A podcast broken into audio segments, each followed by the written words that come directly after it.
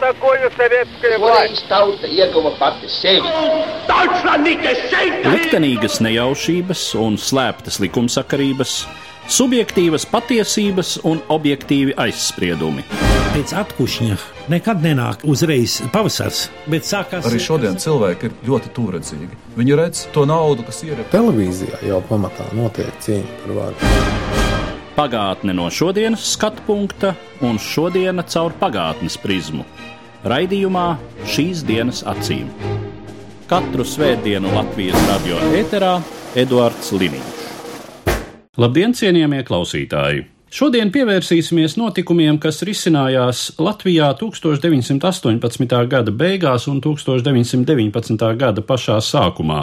Tā brīža pirmkārt militārajām un arī politiskajām norisēm. Mans sarunbiedrs studijā - vēsturnieks Jānis Šiliņš. Labdien! Labdien! Tajā brīdī, kad nodibinājās Latvijas valsts 1918. gada novembrī, Pirmais pasaules karš bija tikko beidzies, mainījās attiecīgi spēku izkārtojums arī šeit, bijušajās Krievijas impērijas teritorijās. Varbūt īsi par to, kādi spēki tobrīd pretendēja uz vāru Latvijas teritorijā. Varbūt jāsāk ar to, ka patiešām situācija 18. gada beigās bija ļoti sarežģīta, kas varbūt nav nekāds brīnums Latvijas vēsturē. Mums ir vēsture vispār diezgan piņķerīga, it sevišķi 20. gadsimta, bet 18. gada beigas ir īpaši interesantas, jo Latvija līdz Pirmajam pasaules karam un Pirmā pasaules kara laikā bija Krievijas impērijas sastāvdaļa, un Krievija ir sabrukusi, un Krievijā šajā laikā notiek pilsoņu karš, cīnās dažādi politiskie spēki par vāro šajā bijušajā lielajā impērijā. Un no otras puses, atkal Vācijā arī ir notikusi revolūcija, tikko novembra tā sauktā revolūcija. Tur arī ķēzars ir atteicies no troņa, un arī tā situācija visu laiku balansē uz arī pilsoņu kara robežas. Daži arī mēdz teikt, ka 18. gada beigās, 19. gada pirmajā pusē Vācijā faktiski arī notiek pilsoņu karš daudz viet.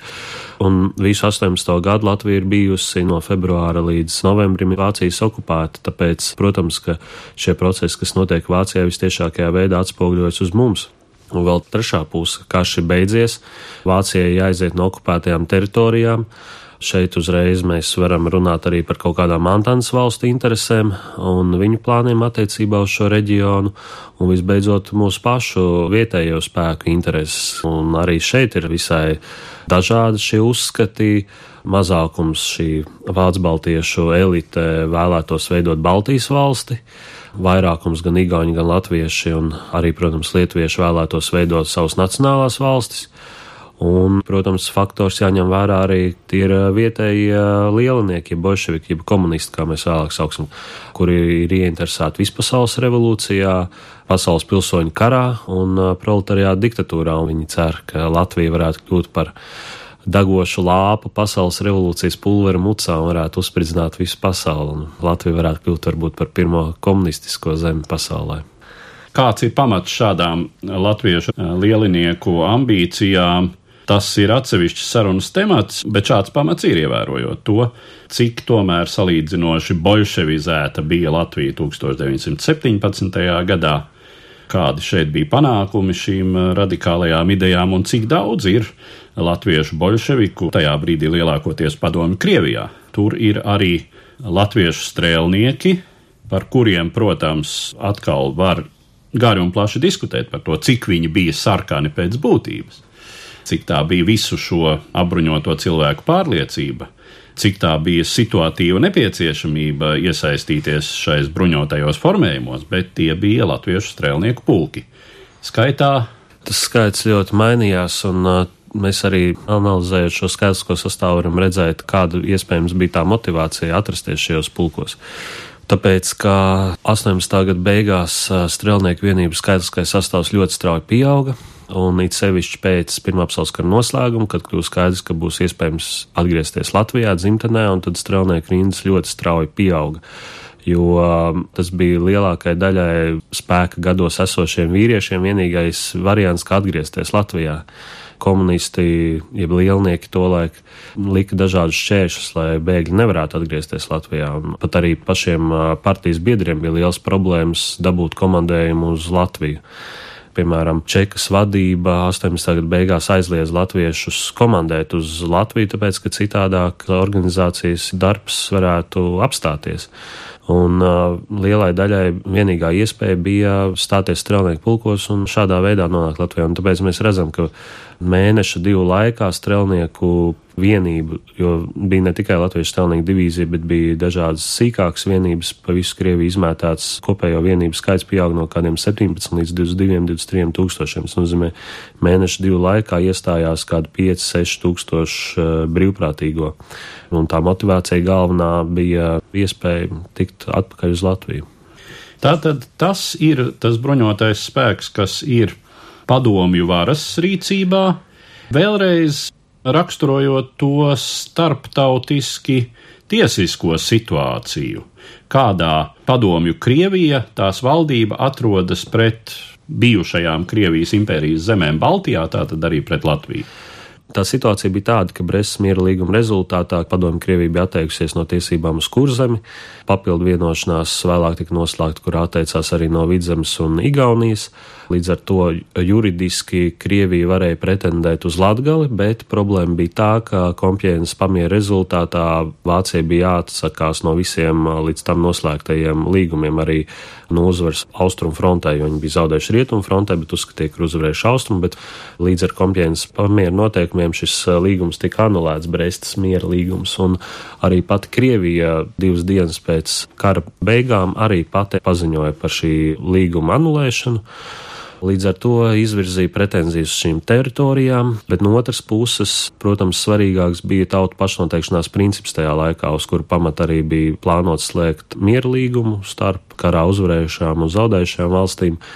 Un uh, svarīgākais jautājums bija, ko šie vietējie iedzīvotāji, vai viņi vēlas būt Vācijas sastāvā, Krievijas sastāvā, vai arī viņi vēlas būt neatkarīgi padomju puse, saprotot, ka viņu galvenais mērķis ir palīdzības sniegšana biedriem Berlīnē, kuri cerēja tajā laikā iegūt vāru Vācijā panākt sarkanās armijas straujāku virzību uz Vāciju, un īsākais ceļš bija caur Baltiju.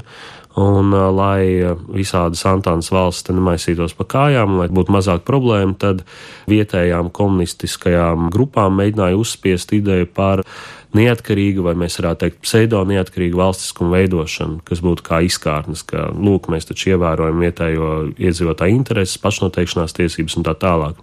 Un tieši šajā aspektā ļoti svarīga bija šī strelnieku izmantošana, tāpēc, ka sākotnēji jau, kad Krievija iebruka Baltijā, Tad šīs nacionālās vienības atradās izsvaidītas pa visu Krieviju, pa visām pilsoņu kara frontēm, un sākotnēji šeit bija jāizmanto Krievu pulki. Latviešu strelnieki ieradās stipri vēlāk, un sākotnēji pat domāja, ka varbūt pat nesūtīs šos strelnieku pulkus, un bija diskusija augstākās militārās vadības vidū, ko darīt ar strelniekiem, vai sūtīt vai nesūtīt, bet pamazām sāka sūtīt. Protams, strelnieku vienības bija militāri sagatavotākas, bet tā visa loģistika bija ārkārtīgi sarežģīta, lai, piemēram, vairāk strelnieku pulkus pārvietot no Donas frontes vai no Urāla kalniem uz Latviju. It sevišķi tā laika transporta sabrukuma apstākļos tur bija acīm redzami politiski iemesli, un, piemēram, arī Rīgas ieņemšana, kas notika tieši pirms simts gadiem, Tur arī sākotnēji bija doma, ka varētu ieņemt Novgorodas divīziju, kas ir Krievijas vienības, kas jau novembra beigās, decembra sākumā ienāca Latvijas teritorijā, bet acīm redzot politiski iemeslu dēļ nolēma gaidīt, kad pienāks latviešu strelnieku pulka, lai Rīgu ieņemtu tieši latvieši, lai tas izskatītos starptautiski, ka tā nav Krievijas armijas iebrukums, bet ka tā ir pašu latviešu izvēle, ka viņi atbalsta šo komunistisko projektu. Kādi spēki tad teorētiski un praktiski Latvijas teritorijā varēja tajā brīdī pretoties šim sarkanās armijas iebrukumam. Šeit atradās Vācijas okupācijas spēki, 8. armija ar sešām divīzijām un dažādām sīkākām vienībām. Tas bija diezgan prāvs spēks, kāda 75, 80 tūkstoši cilvēku. Padomju Krievijai spēku pierobežā patiesībā bija ļoti maz, jo, kā jau minēju, Krievijā notika pilsoņu karš un visas kaujaspējīgākās vienības atradās tālu prom un pēkšņi notiek Vācijas revolūcija un ir iespēja doties rietumu virzienā, un viņiem to spēku visai maz - kādi 20, 30, 40 tūkstoši. Un vācu vienību šeit ir tātad divreiz vairāk skaitliski, bet viņu tās spējas ir ļoti, ļoti zemas. Tāpēc, ka visus gados jaunākos un spēcīgākos karavīrus jau 18. gada vidū ir pārsvieduši uz rietumfronti, lai mēģinātu tur glābt situāciju. Baltijā ir palikuši gados vecāki, arī Elzas, Slotringas un citu mazāk uzticamu apgabalu karavīri. Un viņa tā motivācija šeit atrasties Baltijā un uh, ievērot kompienas pamieru, kurš Vācijai uzlika par pienākumu aizstāvēt šīs zemes no bolševiku iebrukuma, viņiem tā motivācija bija ārkārtīgi zema. Tas galvenais jautājums bija, kā pēc iespējas ātrāk tikt mājās. Tiesa gan uh, pašu pirmo uzbrukumu pie Nārvas, tieši pateicoties vācu spēkiem, izdevās atsist bet pēc tam šīs vienības neizrādīja lielas kaujas spējas un diezgan ātri atkāpās otrs spēks. Bija tā sauktie Krievu Baltās vienības, Pleskavā, Ostrovā un Latgalē formēja Ziemeļu korpusu no bijušajiem Krievijas armijas karavīriem, galvenokārt no kara gūstekņiem, kuri pēc Brestas miera līguma bija jāatbrīvo, kuriem bija jāatgriežas dzimtenē, un tad viņš tika aizskavēts šeit pierobežā un tika veidotas tās augtās balto vienības. Bet arī šīs vienības nebija sevišķi kaujas spējīgas, viņas arī nebija īpaši daudzskaitlīgas, tur bija ļoti daudz dažādi organizatoriskie trūkumi.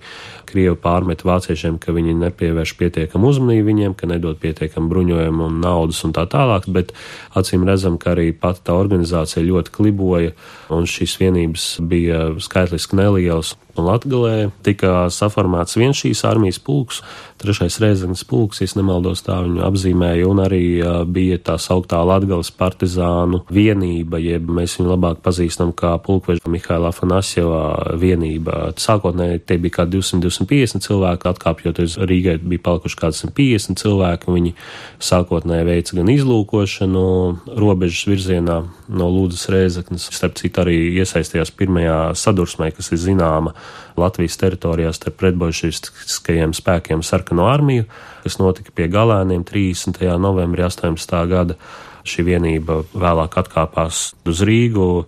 Viņu mēģināja izmantot arī Inčukalnu kaujā, bet viņi arī no turienes ļoti ātri atkāpās. Tā ka viņas kaujas spējas arī bija zemes. Un otrā epizode bija ar Ziemeļa korpusu piedalīšanos 17. un 18. decembrī Valkā, kad daļa no Ziemeļkorpusa viena neliela vienība veica reidu uz Valku, kur jau bija ienākuši strelnieku avangards un notika arī sadursme gar kritušajiem ievainotajiem un, un šiem Krievu baltajiem tā sauktiem izdevās arī iegūt dzelzceļa sastāvu. Un trešie spēki tātad ir šie vietējie no vācu baltiešiem, latviešiem formētās vienības, kas 7. decembrī tika apvienotas Latvijas zemesardzē. Baltijas landesvēra tā sauktā formēšana sākas jau agrāk, un arī patiesībā latviešu nacionālās vienības jau tie priekšdarbi formēšanai sākas jau stipri ātri, jau 18. gada rudenī, kad Latviešu karavīru Nacionālā savienība sāk reģistrēt karavīrus, bet šeit arī ir ļoti daudz problēmu gan vācu baltiešiem, gan arī latviešiem šo vienību formēšanā nav iespējams pāris mēnešos izveidot kaujas spējīgas vienības. It sevišķi tik liels, lai atturētu tādu plašu iebrukumu, kāds tas bija 18. gada beigās. Tur bija jautājums nevis kurš ir stiprāks, bet kurš nav tik vājš kā pretējā pusē, jo gan bija milzīgas problēmas sarkanajai armijai, gan arī šiem pretbojušistiskiem spēkiem arī bija liels, liels problēmas šajā laikā. Kāda ir Latvijas jaunās valdības militārā politika Kādi ir plāni? Pagaidu valdībai Kārļa Ulmaņa vadībā bija ārkārtīgi grūta situācija. Kā mēs varam iedomāties, jo bija Vācijas okupācijas režīms, bija jāmēģina vispirms pārņemt savā kontrolē šīs civilās iestādes. Militārais jautājums, diemžēl, tika atstāts otrajā plānā sākotnēji, jo vispār bija liels diskusijas par to, vai vajadzīgs kaut kāds bruņots spēks, kā viņu saukt. Sociāldemokrātiem nepatīk vispār tāds vārds armija. Viņi ir apsēsti ar šo tautas armijas ideju un arī ar šo šķiru principu, ka nedrīkst veidot armiju, kuru varētu izmantot uh, šķiru cīņas mērķiem, lai apspiestu strādniecību. Tāpēc ir uh, liela pretestība pret to, lai būtu spēcīga virsniecība, lai tā organizatoriskā struktūra būtu normāla, kāda tai normāla armijā jābūt ar kārtīgu disciplīnu, un beigās tiek panākts kompromiss, ka būs nevis kara ministri, bet apsardzības ministri un ka būs apsardzības spēks gan šī ministrija izveidota ļoti vēlu, ļoti ilgas diskusijas par to, kurš tad būs apsardzības ministrs, līdz beidzot 6. decembrī par apsardzības ministru tiek iecelts Jānis Zālīts, kurš arī ir visai diskutablā kandidatūra. Pēc tam ir jautājums, kā īsti formēt šīs vienības, un tas viss process ļoti ilgi velkās, un Kārļa Ulmaņa valdības lielākā cerība ir uz šo ārējo palīdzību. Vai nu tie būs vācieši, kas mūs aizstāvēs pret bolševikiem, vai arī tās būs Antāns valsts, sevišķi Lielbritānija, kura ir ieinteresēta šajā reģionā Un tajā brīdī, kad kļūs skaidrs, ka bez pašu tādas aktīvas darbības nekas nebūs izdarāms, tad sāks arī tāda druģaina rīcība un darbība. Un, diemžēl daudz laika zaudēts ceļš, ja mēs salīdzinām ar Igauniem, kuriem rīcība notiek daudz straujāk. Protams, viņiem arī ir lielāka palīdzība no tās pašas Somijas, citām Skandināvijas valstīm. Tas, kas galvenokārt atšķir Igaunus no Latvijas šajā brīdī, ka pagaidu valdība jau uzreiz paziņo, ka mēs dalīsim zemi zemniekiem, un arī decembra beigās tiek paziņots, ka katrs būs arī karavīrs, kurš cīnīsies par neatkarību, arī saņems zemi. Latvija tikai 19. gada pavasarī šādu apņemšanos arī izsaka.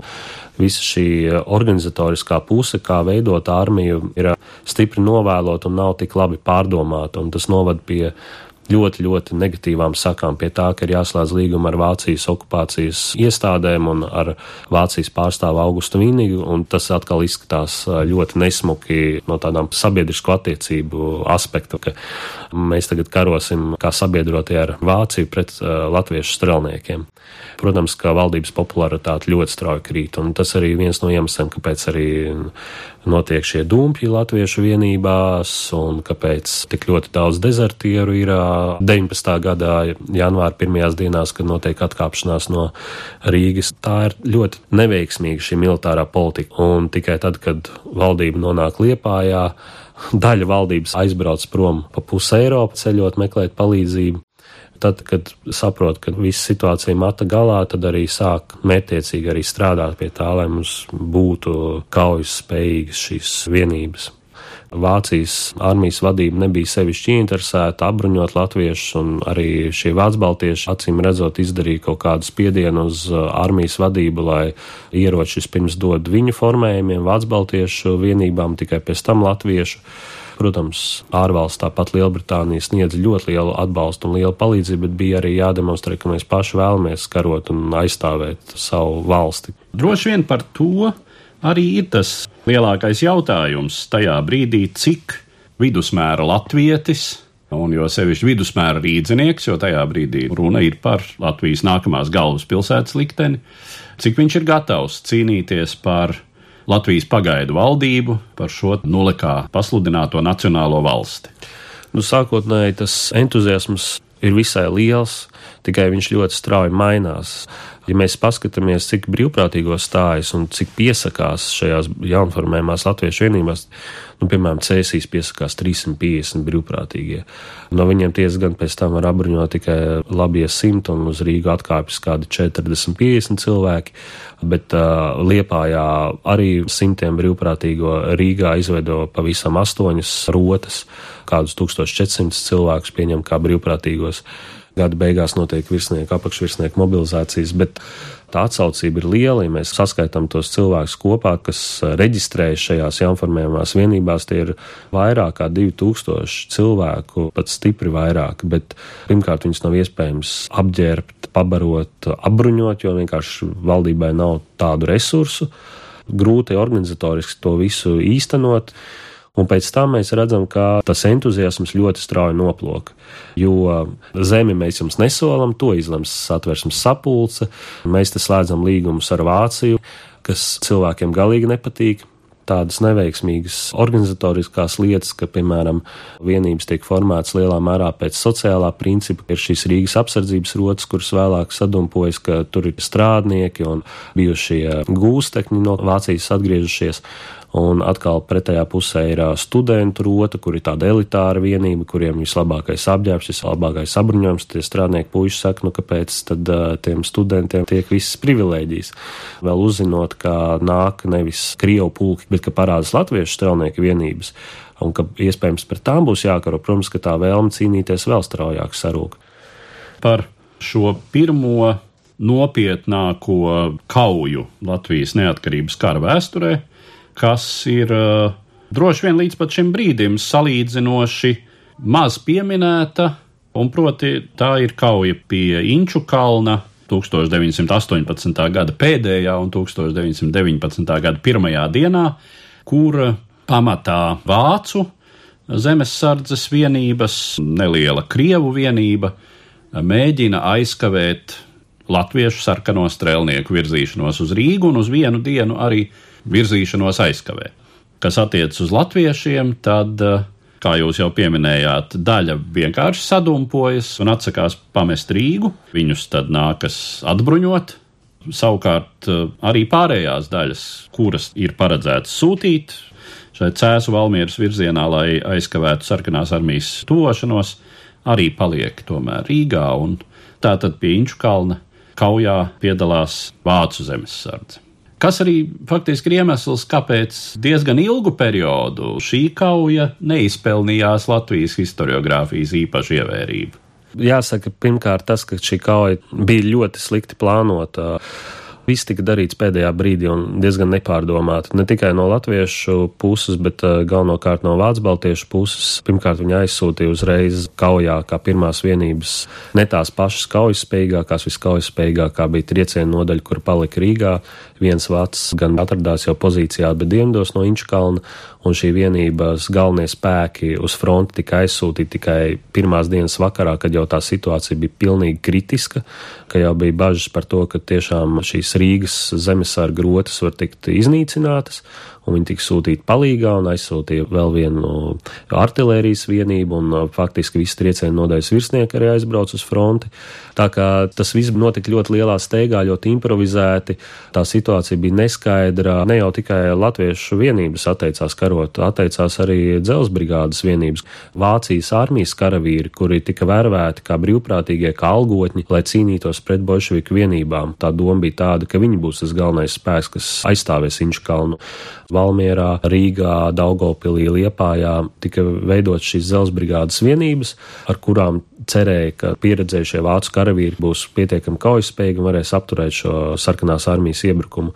Valmieras bataljons jau bija piedalījies gan kaujās pie Valmieras, kur bija diezgan smagus zaudējumus nodarījis strēlniekiem, pēc tam pie Siguldas, pie Līgatnes un Inčukalnā tur jau tā vēlme karot arī viņiem bija pilnīgi izsīkusi tāda minsteres rota brīvprātīgo vispār pateica, ka viņi brauc prom uzreiz uz dzimteni, viņi te pie Inčukalna nekaros.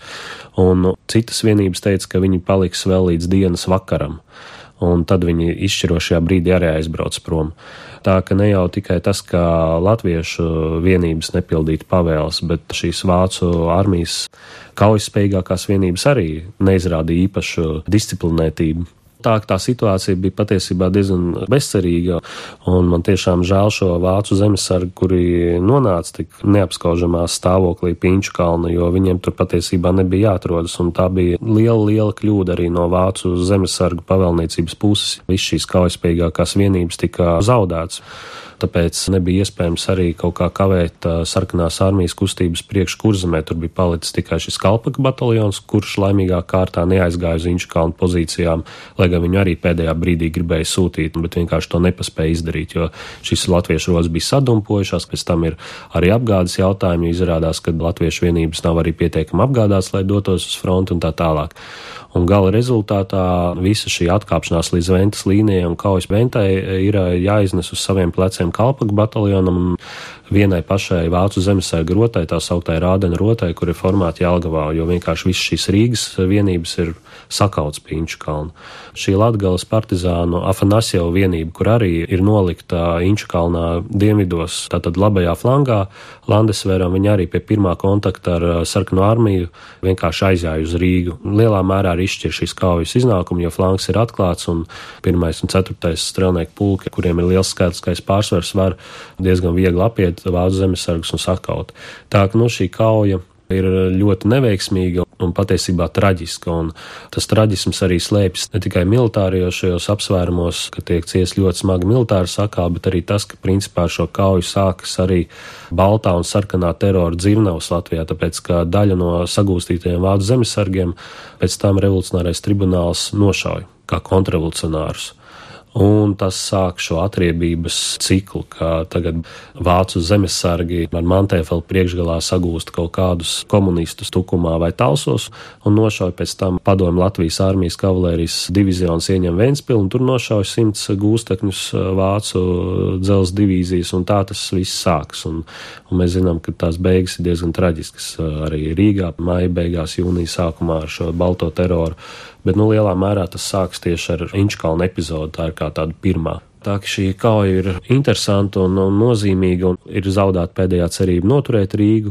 Arī Angļu karakuģiem zūd motivācija iesaistīties Rīgas aizsardzībā, ko viņi sākotnēji bija solījuši.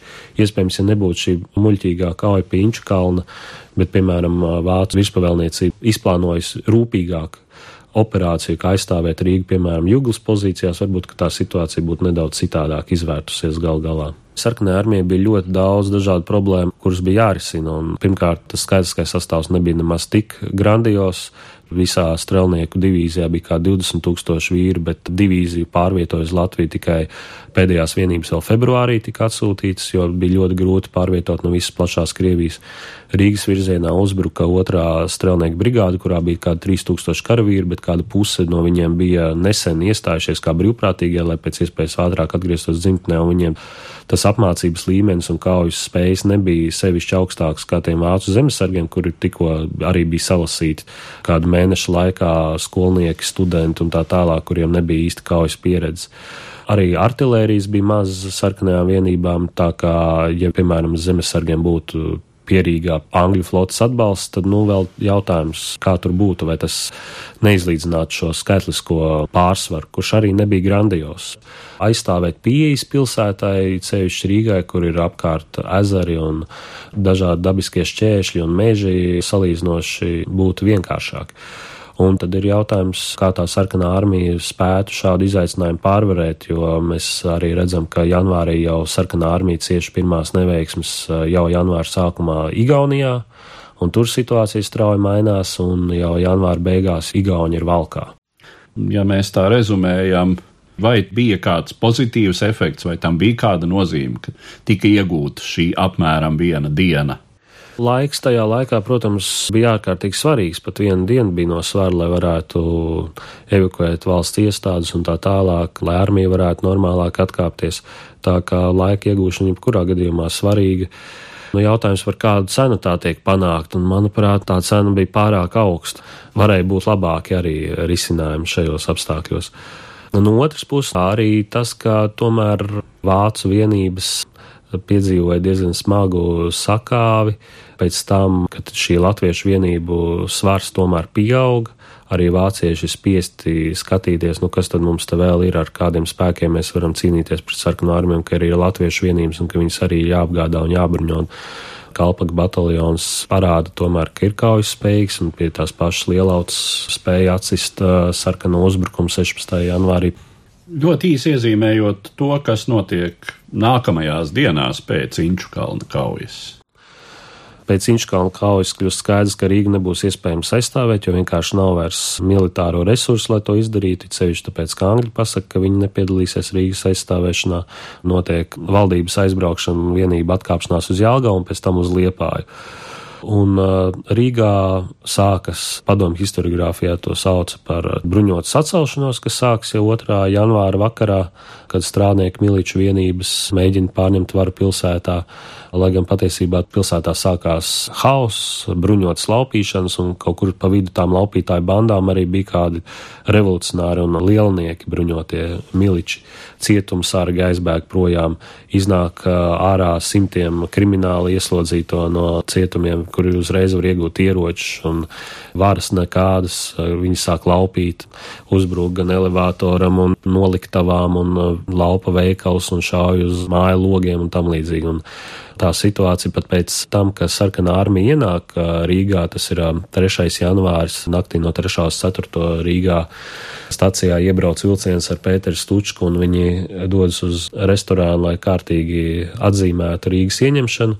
Tāpat paiet vairākas dienas, līdz vispār viņi spēja pārņemt kontroli pār pilsētu, kur vienkārši trako, jo tur ir ļoti daudz visādu bruņotu, nesaprotamu vienību un elementu, kriminālie, kaut kādas bandas, kas siro un laupa, un tā situācija ir ļoti dramatiska. 19. gada janvāra pirmajās dienās līdz izdodas padomju valdībai kaut kā pārņemt kontroli, iztīrīt policijas, tagad milicijas iecirkņus, nomainīt sastāvu, miliču sastāvu un ievest pilsētā lielākas karaspēka vienības, kas spēja uzturēt kārtību ar, ar bruņotu spēku, kaut kā nomierināt šo situāciju. Bet, nu, sākumā tas ir tāds liels haoss un, un daudz vardarbības un laupīšanas.